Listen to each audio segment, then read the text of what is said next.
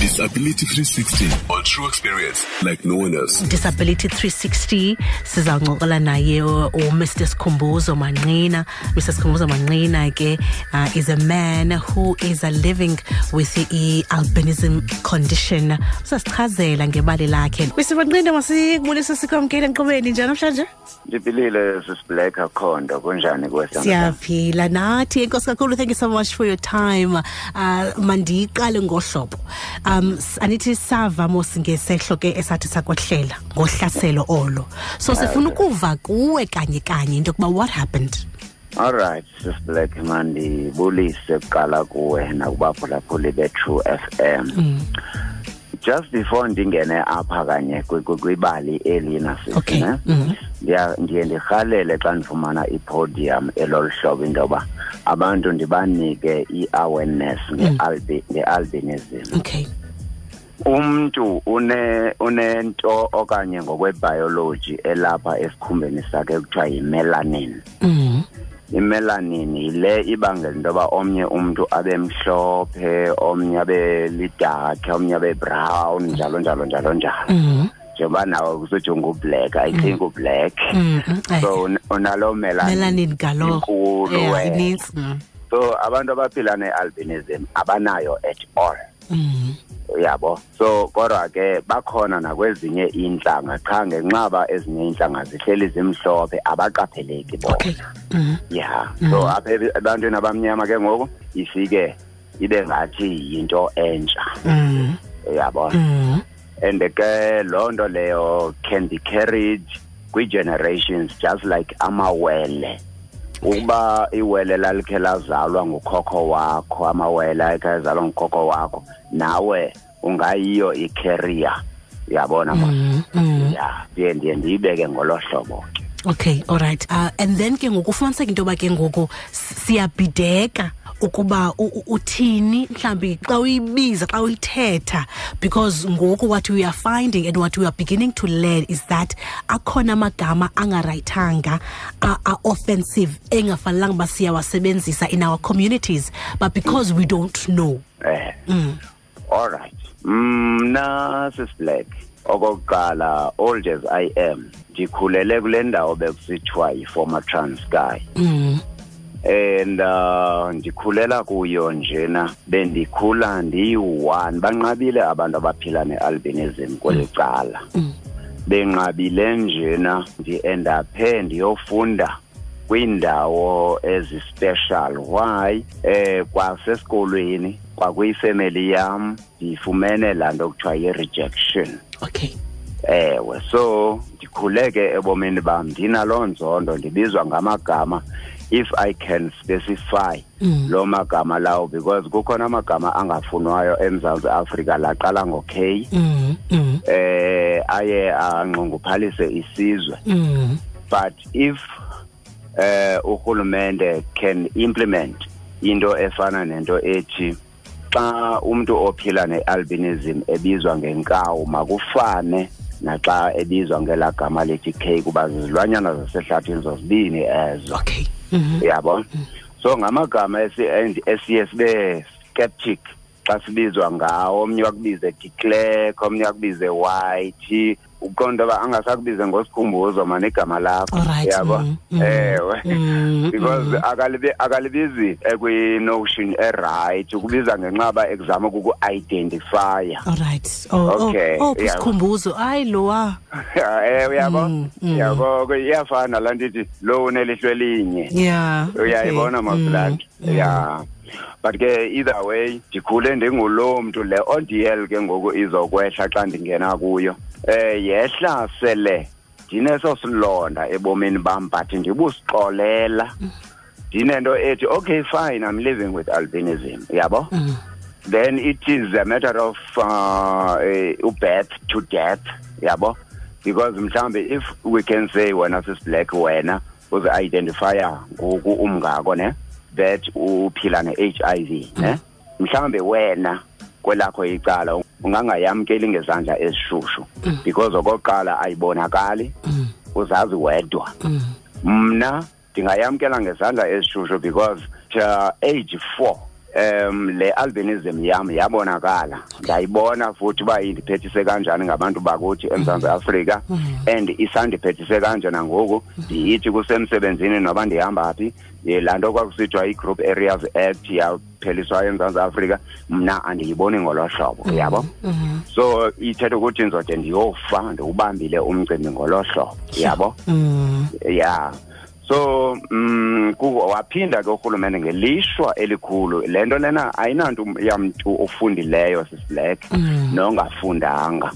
Ngelishwa elikhulu urhulumente waphinda waintroducer i-inclusive education of which nayo ndiyarhalela ukuyitshalenja because um sekusenzeka ezi ODLs nje ebomini bam. It's not about me exactly. It's about umntwana ofunda esikolweni esithile. Ozobanjwa yena abe defenseless. Mna i'm old enough to defend myself yabo? So uzoba defenseless omnye umntwana athathwe. And kukhona ezamits okanye iintsomi ezithi abantu abaphila ne-albinism abafi bayalahleka. Uyaqonda? Fine. Baninzi ke endibangcwabileyo mna endibaziyo. Uyaqonda? But ithi ke ngoku le nto sisiblack uyaqonda aba bantu bafuna ukusithatha beyokwenza amayeza ngathi baphuhlisa le nto ithi kuyalahlekwa. Because umntu ukuthatha uphila eyofuna ucikicane wakho akugcine kulaa ndawo uyabo? Mm. Ya so ke ngoku uzolahleka ke ngolo hlobo mm. awufanga. Mm. Uyabo? Mm, Ndiyakuva. and i just want also ii-producers zee-films ezithile nabantu bazi-apruvayo kwi-sabc level ukuba bayinowuthe le nto xa beaphruva ii-films ezithile. Why ndisitsho le ODL lena mna bendiphila emthatha ndingenaproblem na nanto yokuba ndafuna ukuxhwilwa kwathini kwathini kwathini yaqona but kuthe kusovela ii-episodes zozalo yavela negatively kwabanye abantu into yoba oh okay this is true let's try it. Yabo? Uyibambele ndikumamele ndikumamele kusikhumo ewe fine. Um asali into yoba abantu bavele ezithivini abane-albinism. And uh, just like phayana kwiskim sam it's fine yabo but leyana i-issue iscript sozalo didn't merely mention ukuthi okay wasweleka laa mfana then kwaphelela kwaphela kusithini? Ngenjongo yaba bantu babefuna ukumbulala uyabo? Ndiyakuva andikwazi ke mna ke nongena nzulu kule nto uba ke no no no no no, ndingayazi no it was just my appeal Okay. Bill. bendifuna nje ujaja nje into ezithile wena sisi yaqonda okay. Okay fine. This odl came ndihamba nefemily yam undifowunela wena njena just yesterday ekuseni xa bendiphangela ndifowunelwa esikolweni somntwana wam that is u-eight year old yaqonda kuthiwe khawufika apha esikolweni kukhona ingxaki ngomntwana wakho. Ndiqonda into yoba ngenxa yoba ndiyaphangela mandithumele umama wabo wahamba umama wabo wafika umama wabo umisi wabo wambuza into yoba kwenzeka ntoni ngalo mntwana. Wathi no kwenzeke le odl ekhona ulo mntwana that is ndandihamba nefemeli yam ngalaa mini eh kukhona ii-guns that were waved i-traumatize the whole family laa nto leyana uyabo? So umntwana ke ngoku doesn't perform very well nasesikolweni because ucingana nale nto and ndiyababona naba badala.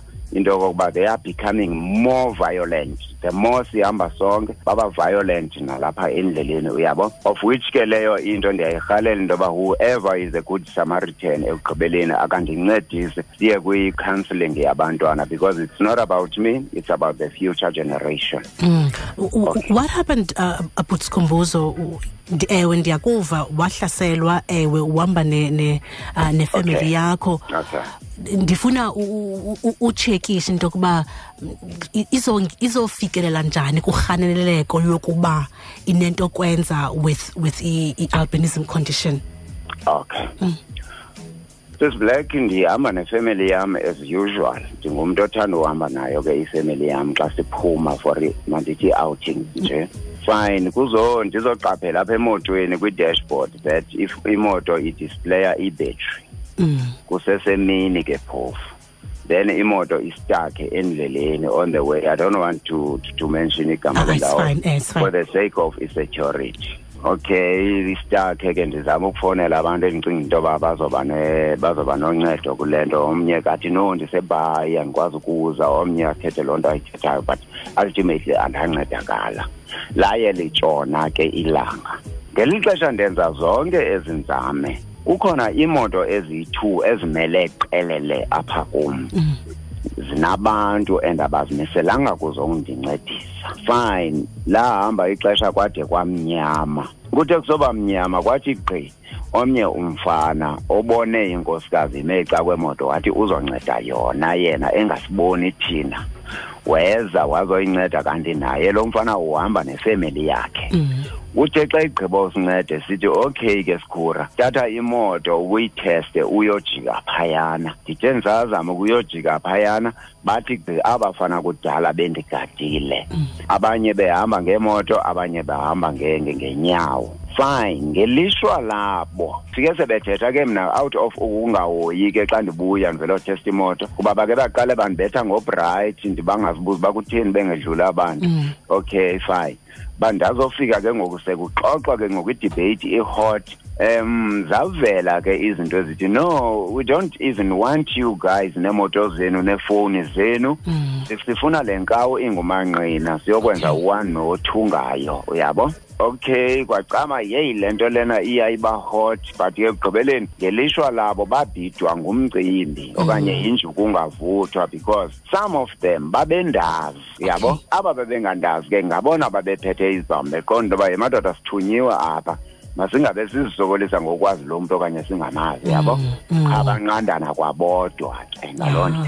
Mm. Yo, uh, u- u- ucinga uba mhlawumbi ke ngoku yintoni enokwenziwa in our communities uh, butsikhumbuzo you know ukwazisa abantu into yokuba hayi mani zonke ezingcinga uh, ninazo about abantu abane-albinism condition ayizizwanga. Yile nto bendisithi ekuqaleni it's not about ukufunda okanye ungafundi. Ingase singazipoliticize izinto siphile ngokobuntu njengoba utata unelson mandela wayetshilo. Bendimamele ngokwapha kuwe ezindabeni apha emini befama ndibe khona kulaa meeting katata mabuyane izolo. Qha ngenxa andisayingeni kakhulu into okuhamba ngobusuku kuba bengene ngo-five late izolo. Last week ngecawe bendikhona kwimeeting ekwakumila kunje kweyalapha emthatha ndiyabaxelela ndibakhona kwii-meetings ezilolu hlobo ndizama ukukwenza ii-awarenesses ebantwini but i don't think zine-impact kakhulu because what happens umntu xa engazange wayiphila okanye abe kufutshane nomntu oyiphilayo into cannot understand uyabo? So andiyazi uba ingenzeka ngoluphi uhlobo. Qha mna i thought mhlawumbi xa inovela clean into yokokuba whoever calls the word inkawu ebantwini should be charged emapoliseni. Mhlawumbi ingayindlela elula leyo. Because siphila kakubi sisi and ingathi siphila kwelinye ilizwe. Eh. Mr manqina thank you so much for ixesha lakho Inkosi siyabulela Sithando. kakhulu Siyabulela. kusikhumbuzo manqina uh, he is a man who is living with a albinism condition uh, uthe wahlaselwa ke uh, and besifuna ukuva ke uh, into yokuba kanye kanye what happened uh, because uh, uh, uthi ba uhlaselwe because of i-albinism condition lena yakhe three idisability 360 ubuyiphathelwe yitrue fm ibambisene ne-sabc foundation. For more disability content visit sabc disability 360 on facebook or follow at sabc disability on twitter